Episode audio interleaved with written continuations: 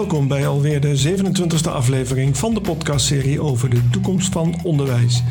Hierin praten we over oplossingen voor de arbeidsmarkt van morgen.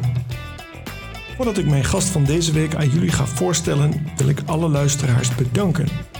Ik wil jullie niet alleen bedanken voor het feit dat je luistert, maar ook voor alle reacties die ik mag ontvangen.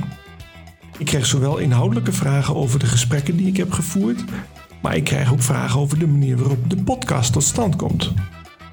De vragen over de manier waarop de podcast tot stand komt variëren nogal. Er zijn vragen over de wijze waarop ik mijn gasten selecteer en hoe ik ze voorbereid op het gesprek. Maar er zijn ook vragen over de techniek en de wijze waarop de gehele productie tot stand komt. Al die vragen hebben mij enige tijd geleden al geïnspireerd om daarover een e-book te publiceren, waarin ik 21 stappen op hoofdlijnen heb uitgewerkt. Ik heb nu besloten om alle vragen in meer detail uit te werken en te bewerken tot een echte cursus waarin je kan leren hoe ook jij een podcast kan gaan maken. En graag deel ik met jullie als eerste het goede nieuws. Mijn online cursus podcast maken is vanaf 1 december aanstaande beschikbaar. De cursus is online en je zou het volledig in zelfstudie kunnen doen. Op basis van mijn ervaringen weet ik echter dat iedereen zit met specifieke individuele vragen. Daarom bied ik wekelijkse online coaching sessies voor alle cursisten. Die zullen zowel s'avonds als mede ook overdag plaatsvinden, zodat je altijd een moment kan kiezen dat past in jouw agenda. Daarin kan je dan al je vragen stellen die ik dan zal beantwoorden. De online coaching sessies zullen plaatsvinden middels een live webinar dat uitsluitend toegankelijk is voor cursisten. Op die manier kunnen alle cursisten van elkaar leren en is dus interessant voor iedereen. De cursus bestaat uit 14 hoofdstukken waarin ik middels foto en video uitleg hoe jij jouw eerste podcast kan opnemen. Alle belangrijke aspecten komen aan bod, zoals hoe kies je je gespreksonderwerp, hoe kies je je gasten, met welke apparatuur ga je de audio opnemen, met welke software ga je de audio bewerken, hoe spreek je een goede intro in en hoe kies je je begeleidende muziek. Als je dat allemaal hebt gedaan, dan heb je eigenlijk je eerste podcast gerealiseerd. Maar dan? Dan leg ik uit hoe en waar je dit kan publiceren. En heel belangrijk, hoe ga jij je doelgroep bereiken en hoe ga jij je publiek vinden? Dat en nog veel meer komt aan bod in mijn cursus podcast maken. Vanaf 1 december aanstaande gaat de website live waar je je kan aanmelden voor deze cursus. Wil je daarop niet wachten, stuur mij dan een berichtje op ronaldscher.gmail.com, dan zet ik je vast op de wachtlijst. Dan is nu de hoogste tijd om mijn gasten aan te kondigen van deze 27e aflevering van de podcastserie over de toekomst van onderwijs. Ik praat met Marianne Penning. Zij is projectleider leer-ecosystemen binnen het VSC-netwerk. VSC is de sectororganisatie van wetenschapsmusea en science centers. Er zijn bijna 40 musea en science centers aangesloten bij deze sectororganisatie. Op jaarbasis ontvangen zij bijna 5 miljoen bezoekers. Bij alle aangesloten musea en kenniscentra staat het spelenderwijs leren en het opdoen van nieuwe kennis centraal. Maar als je 5 miljoen bezoekers wilt entertainen, dan zul je toch wel op vernieuwende wijze die kennis moeten aanbieden. Zeker in een tijd waarin je letterlijk de deuren een tijd moet sluiten in verband met corona. Hoe bereik je in zo'n moeilijke periode dan toch je publiek? Dat is een van de vragen waarop ik antwoord probeer te vinden. Daarom wens ik je veel plezier bij het luisteren naar mijn gesprek met Marianne Benning. Bij mij aan de tafel aangeschoven is Marianne Benning. Welkom Marianne. Ja, dankjewel. Fijn dat ik hier mag zijn. Ik hoor van jou de 27e. Eh, voor mij is het eh, de, de eerste podcast die ik, eh, die ik mag opnemen. Eén keer eerder wel live radio mogen maken, maar een podcast nog nooit. Leuk. Voor de luisteraar die jou nog niet kent, kan je kort iets over jezelf vertellen? Ik ben Marianne Benning. Ik ben 31 jaar. ik ben opgeleid als bioloog. Ik heb een bachelor gehaald in Wageningen en een master in Leiden aan de universiteit. Ehm, ik woon, woon, inmiddels in Leiderdorp samen met mijn vriend. En ik heb gewerkt eerst een poos bij het museum in Den Haag. En nadien voor Naturalis, voor een groot project met meerdere musea. En op dit moment werk ik voor um, het VSC-netwerk. Dat is de Vereniging van Wetenschapsmusea en Science Centers. Je zegt dat je werkt bij VSC Netwerk met 40 musea of andere instituten aangesloten. Kan je eens aangeven waarom dat uh, netwerk zo handig is? Die, die 40 musea hebben natuurlijk allemaal vergelijkbare uh, doelen. Ze bereiken allemaal het publiek en willen hen nieuwsgierig maken en kennis geven over uh, wetenschap, technologie en natuur. Um, en wij zorgen ervoor dat de museummedewerkers achter de schermen met elkaar in contact zijn. we organiseren bijeenkomsten, waardoor ze hun kennis kunnen delen en met elkaar ook kunnen optrekken in gezamenlijke projecten. Um, wat mijn collega doet, is um, gezamenlijke lobby namens al die musea. Dus die uh, spreekt met een aantal beleidsmedewerkers in Den Haag over het belang van onze sector. En je zegt, je zegt er is een collega. Kun je eens kort beschrijven hoeveel mensen er dan bij dat VSC-netwerk zelf in de kern werken? in de, hoeveel er in de kern werken? Dat ligt er denk ik aan hoe je het bekijkt. Er zijn drie betaalde krachten, bijvoorbeeld het bureau. Uh, maar we hebben ook een bestuur die uh, goed met ons meedenken en met ons meewerken. En we hebben een aantal verschillende um, ja, projecten eigenlijk, waar we heel nauw samenwerken met mensen vanuit de musea zelf. Dus het is een grote organisatie en tegelijkertijd ook best een kleine organisatie. Ja, nu uh, wil ik straks vooral kijken naar het netwerk en wat je kan bereiken om uh, mensen, jong en oud, op te leiden of te enthousiasmeren. Maar ik vind het toch belangrijk om heel kort wel stil te staan bij de impact die corona heeft. Want jullie moeten misschien wel, jullie als in de leden van het netwerk, moeten misschien wel de deuren sluiten. Kun je daar eens wat kort over vertellen? Ja, dat wisselt heel sterk, denk ik, per, per lid van ons. Kijk, uh, elk museum uh, dat lid is van VSC moest voor tenminste twee maanden zijn deuren dicht doen. Hè, een paar maanden geleden. Um, dus iedereen moest op een andere manier omgaan met ja, het publiek wat we anders zouden bereiken. Dus er is heel veel online georganiseerd. Er zijn musea die hebben een soort um, ja, wetenschapspakketjes voor thuis ontwikkeld, die je dan met de post zeg maar thuis kreeg. Um, ja, het, het, is heel verdrietig natuurlijk dat, dat musea hun deuren moeten sluiten. En we zien ook wel echt vervelende effecten daarvan direct op, uh, ja, op de instellingen. Echt musea die een deel van hun personeel hebben moeten ontslaan. Instellingen die uh, ja, financieel toch ook wel in de problemen dreigen te komen. Dus uh, we zijn goed in gesprek met een aantal, met een aantal ministeries. Daar is mijn collega echt goed mee bezig om ervoor te zorgen dat de musea niet echt hun deuren hoeven te sluiten. Want dat zou echt vreselijk zijn. We kunnen misschien samen in dit gesprek uh, belichten wat er allemaal nog wel kan. Laten zien dat het nog wel mogelijk is om ofwel online te bezoeken of dingen thuis te ontvangen, wat jij beschrijft. Dus ik wil het graag, het vervolg van het gesprek wil ik graag uh, zo positief mogelijk insteken. Ja, fijn. Ik weet dat je een samenwerking hebt met onder andere Museum Jeugd Universiteit. Misschien kun je daar eens wat over vertellen? Ja, ik kan er kort iets over vertellen. Voor wie misschien Museum Jeugduniversiteit niet kent. Zij uh, zijn een organisatie die bij meerdere musea in het land, niet alleen de wetenschapsmusea, maar ook bij andere musea, korte collegereeksen um, organiseren. Kinderen die kunnen daar terecht voor drie of vier of vijf colleges van vaak echte wetenschappers of experts over bepaalde onderwerpen. Um, de VSC heeft een project dat heet Pop-up Wetenschapper. Um, en wat we daar doen is het verbinden van echte wetenschappers aan die musea voor familielezingen en publiekslezingen. En op dit moment um, is de, de VC, of ben ik zelfs eigenlijk, de, ook de wetenschapsmakelaar voor de Museum Jeugduniversiteit. Dus op het moment dat uh, een van de instellingen die een collegereeks organiseert zegt: hey, ik kom er niet helemaal uit. Welke wetenschappers zou ik nu kunnen benaderen? Ik uh, zoek iemand voor een college over spiegels. Nou, dan help ik mee dan denk ik mee probeer ik een aantal namen door te geven. En wat wij zelfs ook nog doen daarnaast is um, het trainen van de wetenschappers in het geven van zo'n ja, kindercollege of familiecollege. Vaak hebben wetenschappers wel vaker um, ja, hun, hun moeilijke onderzoek op een iets versimpelde manier uitgelegd. Maar nog niet altijd echt op zo'n manier dat het voor kinderen ook uh, in drie kwartier ja, spannend blijft, boeiend blijft. Dus wij helpen wetenschappers ook met, eh, met training daarin.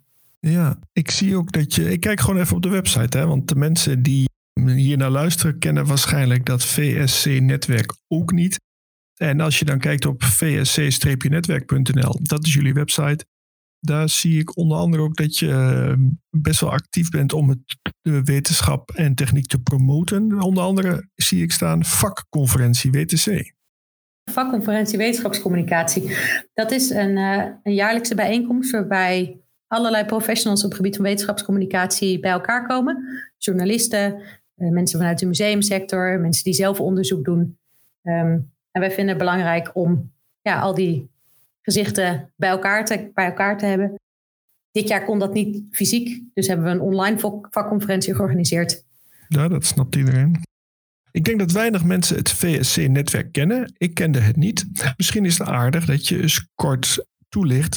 Wie zit er dan zoal achter dat VSC qua personeel? En welke bedrijven of eh, instellingen, musea zijn dan zoal lid? Ja, bij het bureau van de VSC, uh, het VSC-netwerk, werken in totaal drie mensen. Uh, als eerste is er Alex Verkade. Hij is uh, de directeur van het VSC-netwerk. Um, en hij zet zich onder andere in voor de gezamenlijke vertegenwoordiging. Wij vertegenwoordigen um, als vereniging de hele sector van wetenschapsmusea en science centers. Dus hij heeft veel banden met politici in Den Haag. En is ook veel in gesprek met de directeuren, ook juist nu tijdens de coronacrisis um, om met hen te bespreken. Van wat kan ik voor jullie betekenen? Hoe zorgen we dat we hier als sector gezamenlijk goed uitkomen? Dan, uh, dan mijn collega uh, Sanne Den Adel. Um, zij werkt als programmamanager voor uh, een lijn diversiteit en inclusie. Ze heeft een project met meerdere musea die daarin meewerken, omdat we het belangrijk vinden dat musea en science centers toegankelijk zijn voor iedereen in Nederland. Iedereen moet zich daar welkom voelen. Iedereen moet zich ook kunnen herkennen in zo'n museum en science center. Um, en daar zijn nog wel wat stappen te maken volgens mij. Dus zij is daar samen met de musea hard mee bezig. Uh, en dan werk ik er. Ik ben uh, adviseur en uh, projectleider op het gebied van leerecosystemen. En werk ook aan verschillende projecten. waarin we onder andere wetenschappers, echte wetenschappers die werken bij universiteiten bijvoorbeeld, verbinden aan de musea voor publiekslezingen. En wat we alle drie doen, is de sector um, ja, samenbrengen. we zorgen dat de musea achter de schermen met elkaar in gesprek kunnen in bijeenkomsten die we organiseren. We hebben elke donderdag een online overleg. dan online komen medewerkers samen vanuit het hele land. En dan heb ik het over, over Naturalis en Leiden, wat je misschien wel kent. Uh, Nemo in Amsterdam. Maar juist ook allerlei kleinere instellingen die, uh, ja, die met elkaar hun kennis uitwisselen. Dus ook eh, het Natuurhistorisch Museum uit Rotterdam haakt aan en het Science Center uit Delft. Um, het Tylers Museum uit Haarlem is erbij. Uh, Natura Doos Wonderrijk Twente. Uh, ja, veertig verschillende instellingen. Iedereen is welkom. Elke week hebben we een ander thema. Zo uh, ja, zijn we samen met de musea aan de slag. Wow, dat klinkt goed. Ik lees op de website dat je ook nog een bestuur hebt. Ja, zeker. Oh, die moet ik zeker niet vergeten te noemen wat ik zei, er is een bureau van drie verschillende mensen. En met de musea werken we in verschillende projecten. Um, maar ons bestuur um, ja, is echt onze rechterhand, werkt enorm goed samen. Vooral uh, ja, met Alex is er altijd contact. Hè, Jeger is onze, onze voorzitter. Uh, Amito Haarhuis zit in het bestuur. Hij is de directeur van het Rijksmuseum Boerhaven. Loes Kerkhoff is de directeur van OIFO, dat is het museum in, in Hengelo. Um, en op dit moment is John Lake ook uh, zit in ons bestuur die werkt bij beeld en geluid in Hilversum. Dat is een mooie basis dan om uh, kennis te verspreiden, want dat is een deel van het doel van het, uh, van het netwerk. En je doet dat niet zomaar in het luchtledige. Je doet dat misschien ook wel om, om jonge mensen op te leiden voor uh, dat ze later een baan kiezen of een opleiding kiezen richting een baan. Eh, je werkt vast samen met, uh, met de arbeidsmarktpartijen. Kun je eens vertellen welke trends je ziet op de arbeidsmarkt of in het werkveld waarin jij actief bent? Ja, ja trends als je zegt hè, uh, arbeidsmarkt, maar vooral ook een passie ontwikkelen. Dat is waar, ja, waar wij wel eens naar kijken. Hè. We willen graag dat kinderen welke passie ze ook hebben, verder kunnen ontwikkelen. Als dat is op het gebied van sport, ga lekker sporten. Als je iets wilt met cultuur, ga naar cultuur. Maar wij vinden het belangrijk dat je ook op het gebied van natuur, wetenschap, technologie altijd verder kan. En als ik daar naar kijk, dan zie ik dat in het land dat er, dat er goed aan wordt gewerkt. Laten we positief beginnen. Hè? Er zijn steeds meer scholen die aandacht besteden aan wetenschap en technologie binnen schooltijd. Het Techniekpact heeft daar heel mooi aan bijgedragen. Maar ik zie ook kinderen zitten maar 16% van hun wakkere tijd op school. 84% van de wakkere tijd van een kind zit die niet op school. Terwijl juist ook buitenschooltijd enorm veel wordt geleerd. Ehm, en als ik dan kijk, wat gebeurt daar nu? Hè, als ik kijk natuur, wetenschap, technologie. Ook buitenschooltijd is wel steeds meer mogelijk. er zijn coder dojo's waar je kunt leren programmeren. Misschien heb je daar wat van gehoord. Er zijn maakplaatsen in bibliotheken. Ehm, er zijn wedstrijden als de, de First Lego League, waar kinderen echt in een soort van strijd ja, met elkaar eh, leren. Ehm, er zijn natuurclubs, er, is steeds meer.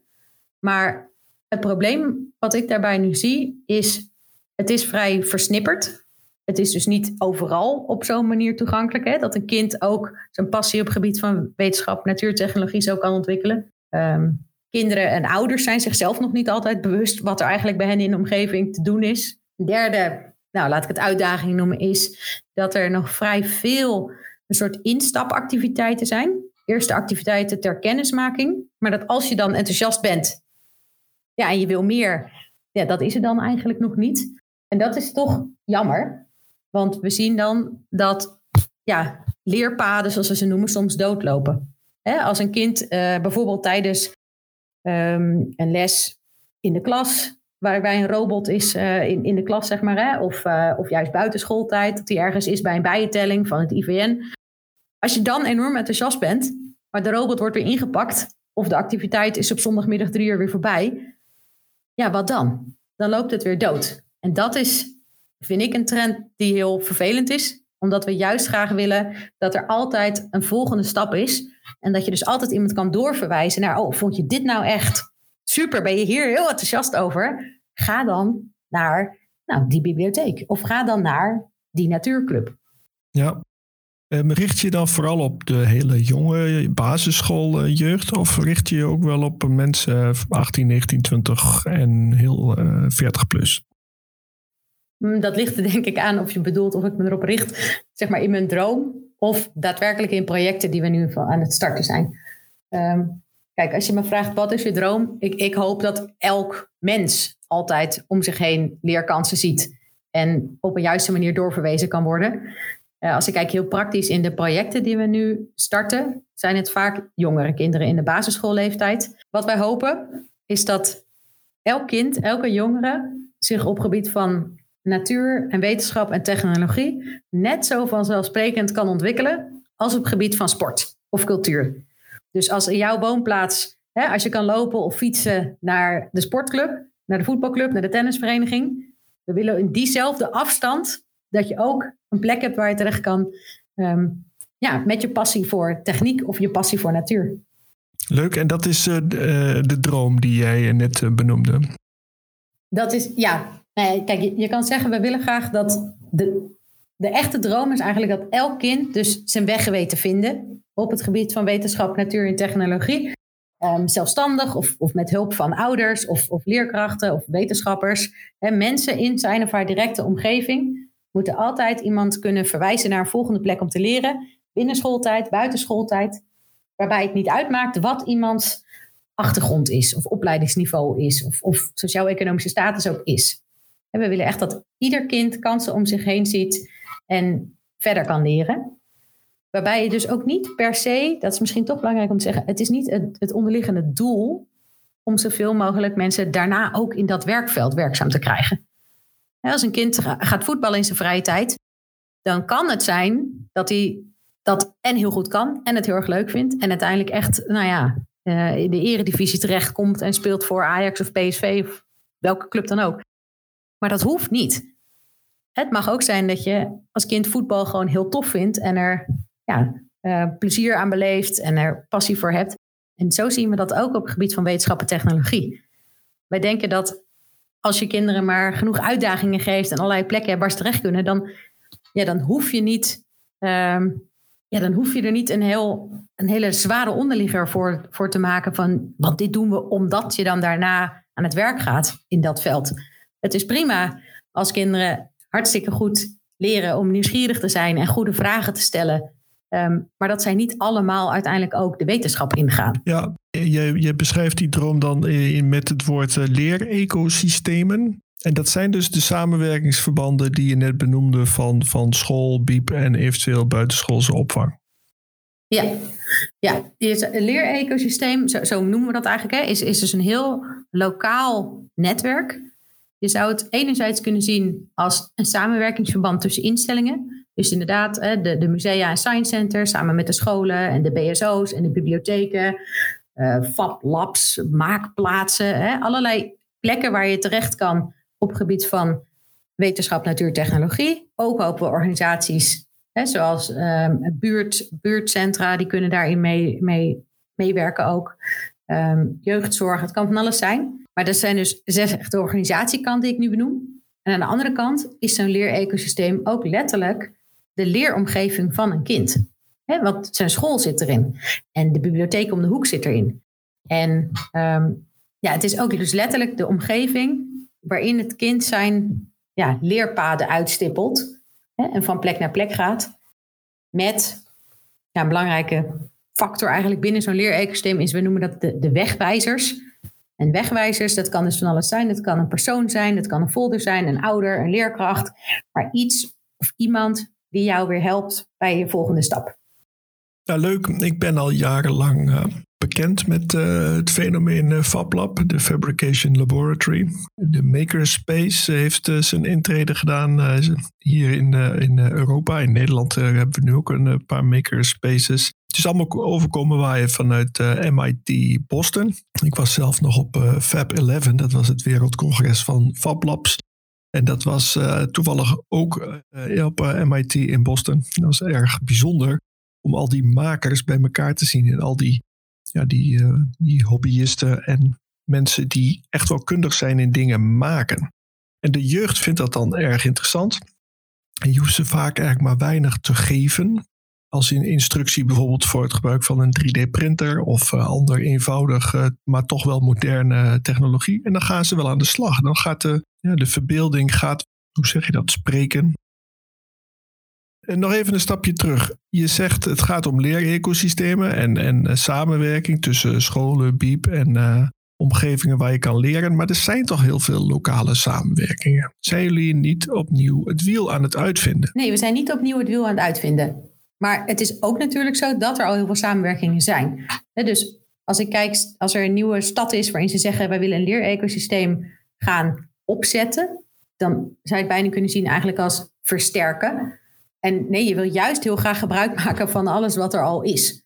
dus een van de eerste dingen als een nieuwe stad zegt van we gaan zo'n leersysteem opzetten, is ook, ja, we noemen het community mapping.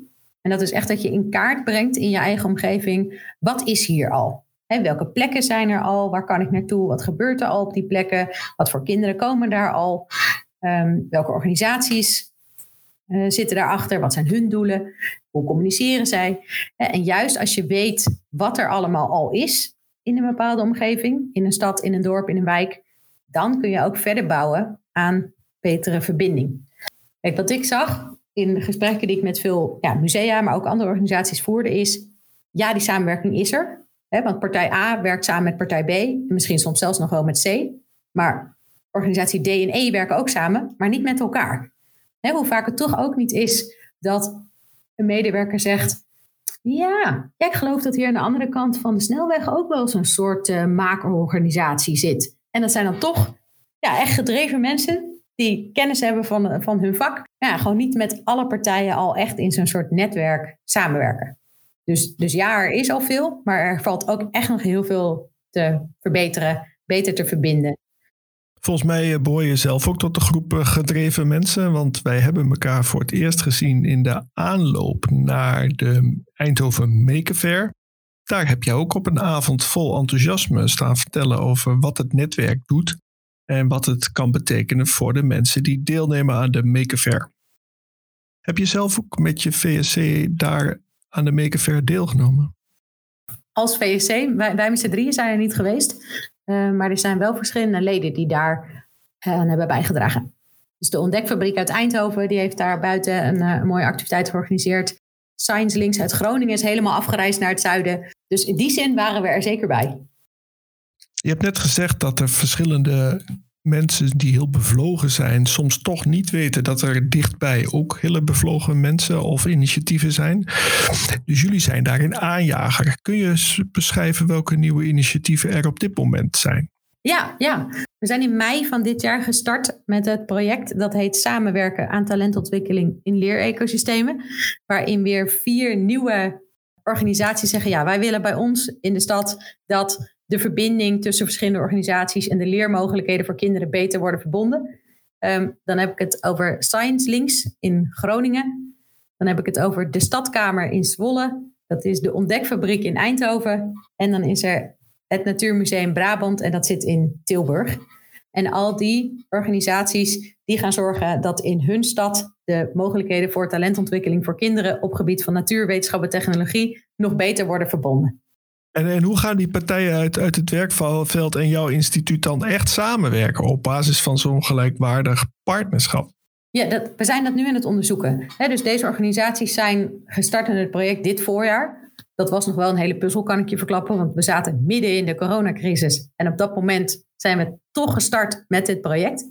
Kijk, en hoe gaan zij samenwerken? Ik heb je net al gezegd, we starten dus met community mapping, dus het in kaart brengen wat zit hier eigenlijk al. En daarnaast zijn er ook gewoon hele concrete activiteiten en initiatieven van we nu al zien. Dit is een ontbrekende schakel hier in deze stad. Ehm, hè, als ik kijk in Groningen bijvoorbeeld, daar hebben ze gewoon een nieuw project samen met uh, de bibliotheek van daar, Forum Groningen. En dat is de, de Meetotheek. Hè, een plek waar je geen boeken kan lenen, maar waarbij je meetinstrumenten kan lenen. En dan kan je daarmee onderzoek doen in je eigen omgeving. Dan wat ze in, in Tilburg gaan, gaan starten.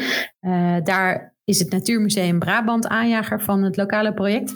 En zij gaan lokale natuurclubs oprichten. He, zij gaan echt zorgen dat kinderen kunnen zeggen: Ik zit op natuur. Na schooltijd uh, zit ik niet op voetbal, zit ik niet op balletles, maar zit ik op natuur. En hoe is dan die samenwerking uh, in Zwolle? In, in Zwolle um, werkt de Stadkamer voor dit project heel nauw samen met uh, twee verschillende IKC's, integrale kindcentra. Hè, die zorgen al wel meer uh, voor het verbinden van, um, ja, van cultuur vooral. Maar zij zeggen we willen ook dat kinderen op het gebied van wetenschap en technologie verder kunnen leren en kansen zien. Dus ze hebben afspraken gemaakt binnen de IKC en ook met de plaatselijke BSO. Dat ze uh, na schooltijd daar lessen in, in aanbieden. Dus kinderen kunnen na school zeggen: nee, ik blijf hier langer en, uh, en ik ga hier verder leren. En wat ze ook nu doen is, ze zijn in gesprek met verschillende medewerkers van de natuur- en milieu-educatieorganisaties om, ja, om te kijken hoe kunnen we hè, kinderen binnen Zwolle dus beter doorverwijzen. Welke vormen van communicatie zijn nodig om kinderen beter terecht te laten komen op de plekken die er al wel zijn. Wow, het klinkt echt, echt heel erg interessant. Voordat we verder praten over de stappen die je vanuit het netwerk gaat zetten en hoe de toekomst eruit ziet, wil ik je graag wil ik je vragen: hoe kunnen mensen contact opnemen met jou? Want mensen die aan het luisteren zijn, die dit interessant vinden, die denken nu: wie is die Marianne en hoe, hoe kan ik haar vinden? En hoe kan ik haar vinden? Nou, uh, er staat uh, op onze website van VSC Netwerk, daar vind je een pagina met meer informatie over het hele project. Samenwerken aan talentontwikkeling in leerecosystemen. Daar staat mijn e-mailadres. Marianne apenstaartje vsc-netwerk.nl. Maar er staan zelfs ook e-mailadressen van de verschillende steden die meedoen. Dus als je zegt, ah, ik ben ja, met name geïnteresseerd in wat er nu gebeurt in Groningen of in, Tilburg of waar dan ook. Dan kun je ook direct met hen contact opnemen als je zou willen. Ja, dit moet, dit moet een grote groep mensen aanspreken met wat je allemaal uh, vertelt. Tot slot heel kort, hoe ziet die toekomst eruit in jouw ogen? Je, als je verder droomt tot zeg maar 2030.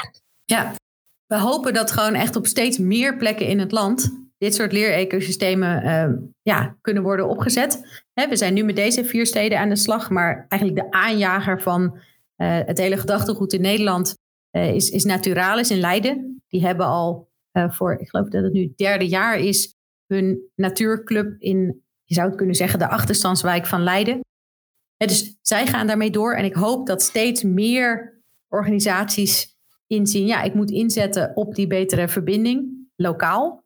Maar ik denk als we dat lokaal ja, op een goede manier willen kunnen inbedden. Dan hebben we de, de nieuwe aanjagers van zo'n lokaal leerextreem hebben daarvoor spullen nodig.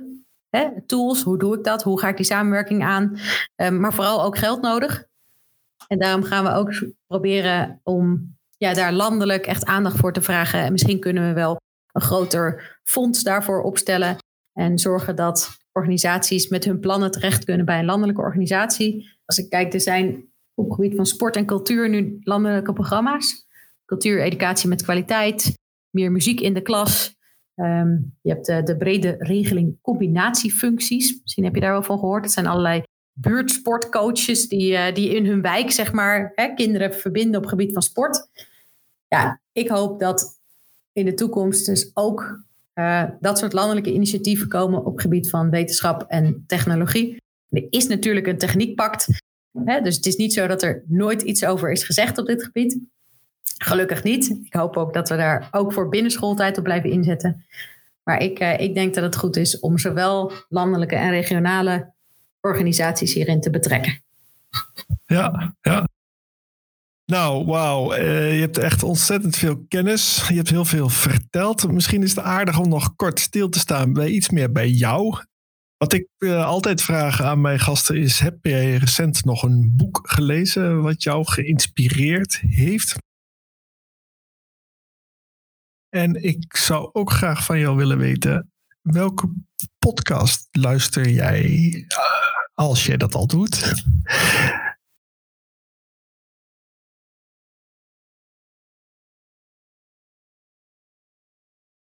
Af en toe luister ik naar de museumpodcast van onze eigen leden.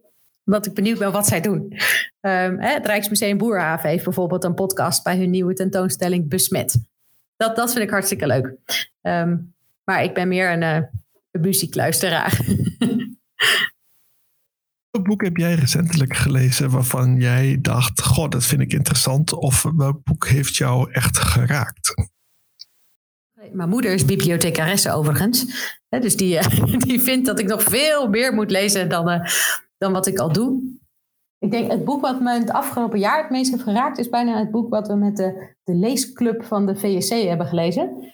Uh, leesclub klinkt een beetje oudbollig, maar we organiseren met de VSC een, een leesclub voor al onze leden. We zien mensen die uh, eenmaal echt ja, aan het werk zijn, nemen vaak niet meer de tijd om nieuwe boeken uit het werkveld weer opnieuw te gaan lezen. Um, dus wij geven ze een steuntje in de rug en kiezen af en toe een boek waarvan wij denken, ja, dit is echt gewoon inspirerend. Um, en mijn collega die heeft toen het boek uitgekozen. Dat is geschreven door Emily Dawson. Um, en dat heet Equity, Exclusion and Everyday Science Learning. Zij heeft in dat boek van alles uiteengezet over hoe je ja, minoritized groups, uh, hoe noem je dat? Uh, ja, groepen die gewoon dus ja, een beetje achtergesteld zijn misschien van leren op het gebied van wetenschap en technologie, hoe je die wel kan betrekken. Um, en wat misschien leuk is, als je zegt ik heb minder tijd om dat hele boek te lezen, ze heeft ook een soort strip, stripvariant zeg maar, ervan uitgebracht. Een heel klein nou ja, stripboekje, waar je gewoon heel duidelijk in plaatjes ziet hè, hoe iemand zich bijvoorbeeld wel of niet herkent in het museum. Dan zie je een plaatje van iemand um, met een, uh, een, donkere huid die in het museum kijkt en dan is het iets in de trant van um, a picture with a white guy. En een gezicht van een witte man en nog een gezicht van een witte man en Einstein is een witte man en nog een witte man. En zo geeft zij heel beeldend weer in die strip. Kijk, dat is een manier waarop mensen zichzelf dus niet, ja, niet herkennen in het museum wat ze, ja, wat ze bezoeken. Of uh, een ander voorbeeld dat ik me nog heel goed herinner is het voorbeeld van het zogenaamde Golden Ticket. Dan zijn er mensen die zeggen van ja, als je meer mensen in het museum of science center zou willen hebben, of welke plek dan ook, dan moeten we ze gewoon gratis toegangskaartjes geven. Golden tickets, dan komen ze wel. Ja, het probleem daarvan, vertelt zij dus in dat boek, is dan weer vervolgens dat mensen zijn er wel in het museum, maar voelen zich alsnog niet helemaal thuis. Want op het moment dat je een kopje koffie wilt kopen, wat je iedereen ziet doen, ja, dan kan je dat eigenlijk niet betalen. Uh, wil je iets in de giftshop vervolgens halen, ja, dat gaat eigenlijk ook niet. Dus ze zijn dan wel binnen, maar ze voelen zich niet helemaal thuis op die plek. Ze herkennen zichzelf niet helemaal op die plek. Dus we moeten echt, uh, nou ja, dat is dus het project waar mijn collega heel veel mee bezig is. Maar waarin ik ook wel flink ben wakker geschud. Van ja, we moeten goed opletten als je dus iedereen wil bereiken. Ook binnen mijn leerecosysteem waar ik aan werk, moet ik daar echt op letten hè, hoe zorgen we ervoor dat we, dat we echt open zijn voor iedereen? En niet alleen met een soort golden tickets mensen in een soort toch vreemde omgevingen proberen te, ja, te ontvangen. We moeten goed luisteren naar de mensen die op bezoek komen. Ja. Afsluitende vraag die ik altijd stel: wie zou jij graag eens in deze podcast willen horen? God, dat kunnen denk ik een heleboel mensen zijn. Als ik, als ik denk aan de musea en science centers zelf. ehm, ik, ik denk nu gelijk aan Geofort. Hè, hun directeur Willemijn eh, Simon van Leeuwen. Die organiseert ehm, niet alleen op locatie veel, maar ze hebben ook Geocraft online. Waar je verder kan leren. Met een hele online wereld waar je terecht kan. Eh, ik denk aan OIFO. Loes Kerkhoff die, eh, is een heel nieuw museum nu aan het, aan het bouwen en in- inrichten. Ehm, waarin ze kunst en wetenschap en techniek samenbrengen. Echt in één, in één gebouw. Dat is ook dat is super spannend. Daar kan ze heel mooi over vertellen. Ehm, ja, je zou eigenlijk, je zou bijna elke museumdirecteur in het land kunnen bellen. Want er, er is zoveel gaande op dit moment. Er zijn ook zoveel nieuwe innovatieve ideeën. Juist door corona eh, hè, worden mensen weer aangemoedigd om verder te denken, anders te denken. Dus ja, be- bel één van de directeuren en je hebt een goed verhaal. Top, dat lijkt mij een mooie afsluiter. Nou, Dan wil ik jou bedanken voor dit gesprek. graag gedaan. Wat is je eerste reactie? Ik vond het spannend, maar leuk. Dankjewel. Dan wil ik jou heel veel succes wensen met je VSC-netwerk.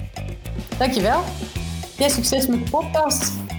Ja, dankjewel. En afsluitend wil ik graag dat je nog één keer noemt hoe mensen contact met jou kunnen vinden. Ja, je mag, eh, mag per mail. Marianne, apenstaartje, vsc-netwerk.nl. Top. En daarmee zijn we aan het einde gekomen van dit gesprek met Marianne Benning. Alle luisteraars, dank voor het luisteren. En blijf luisteren, want volgende week staat er weer een nieuwe aflevering voor je klaar. Graag tot dan.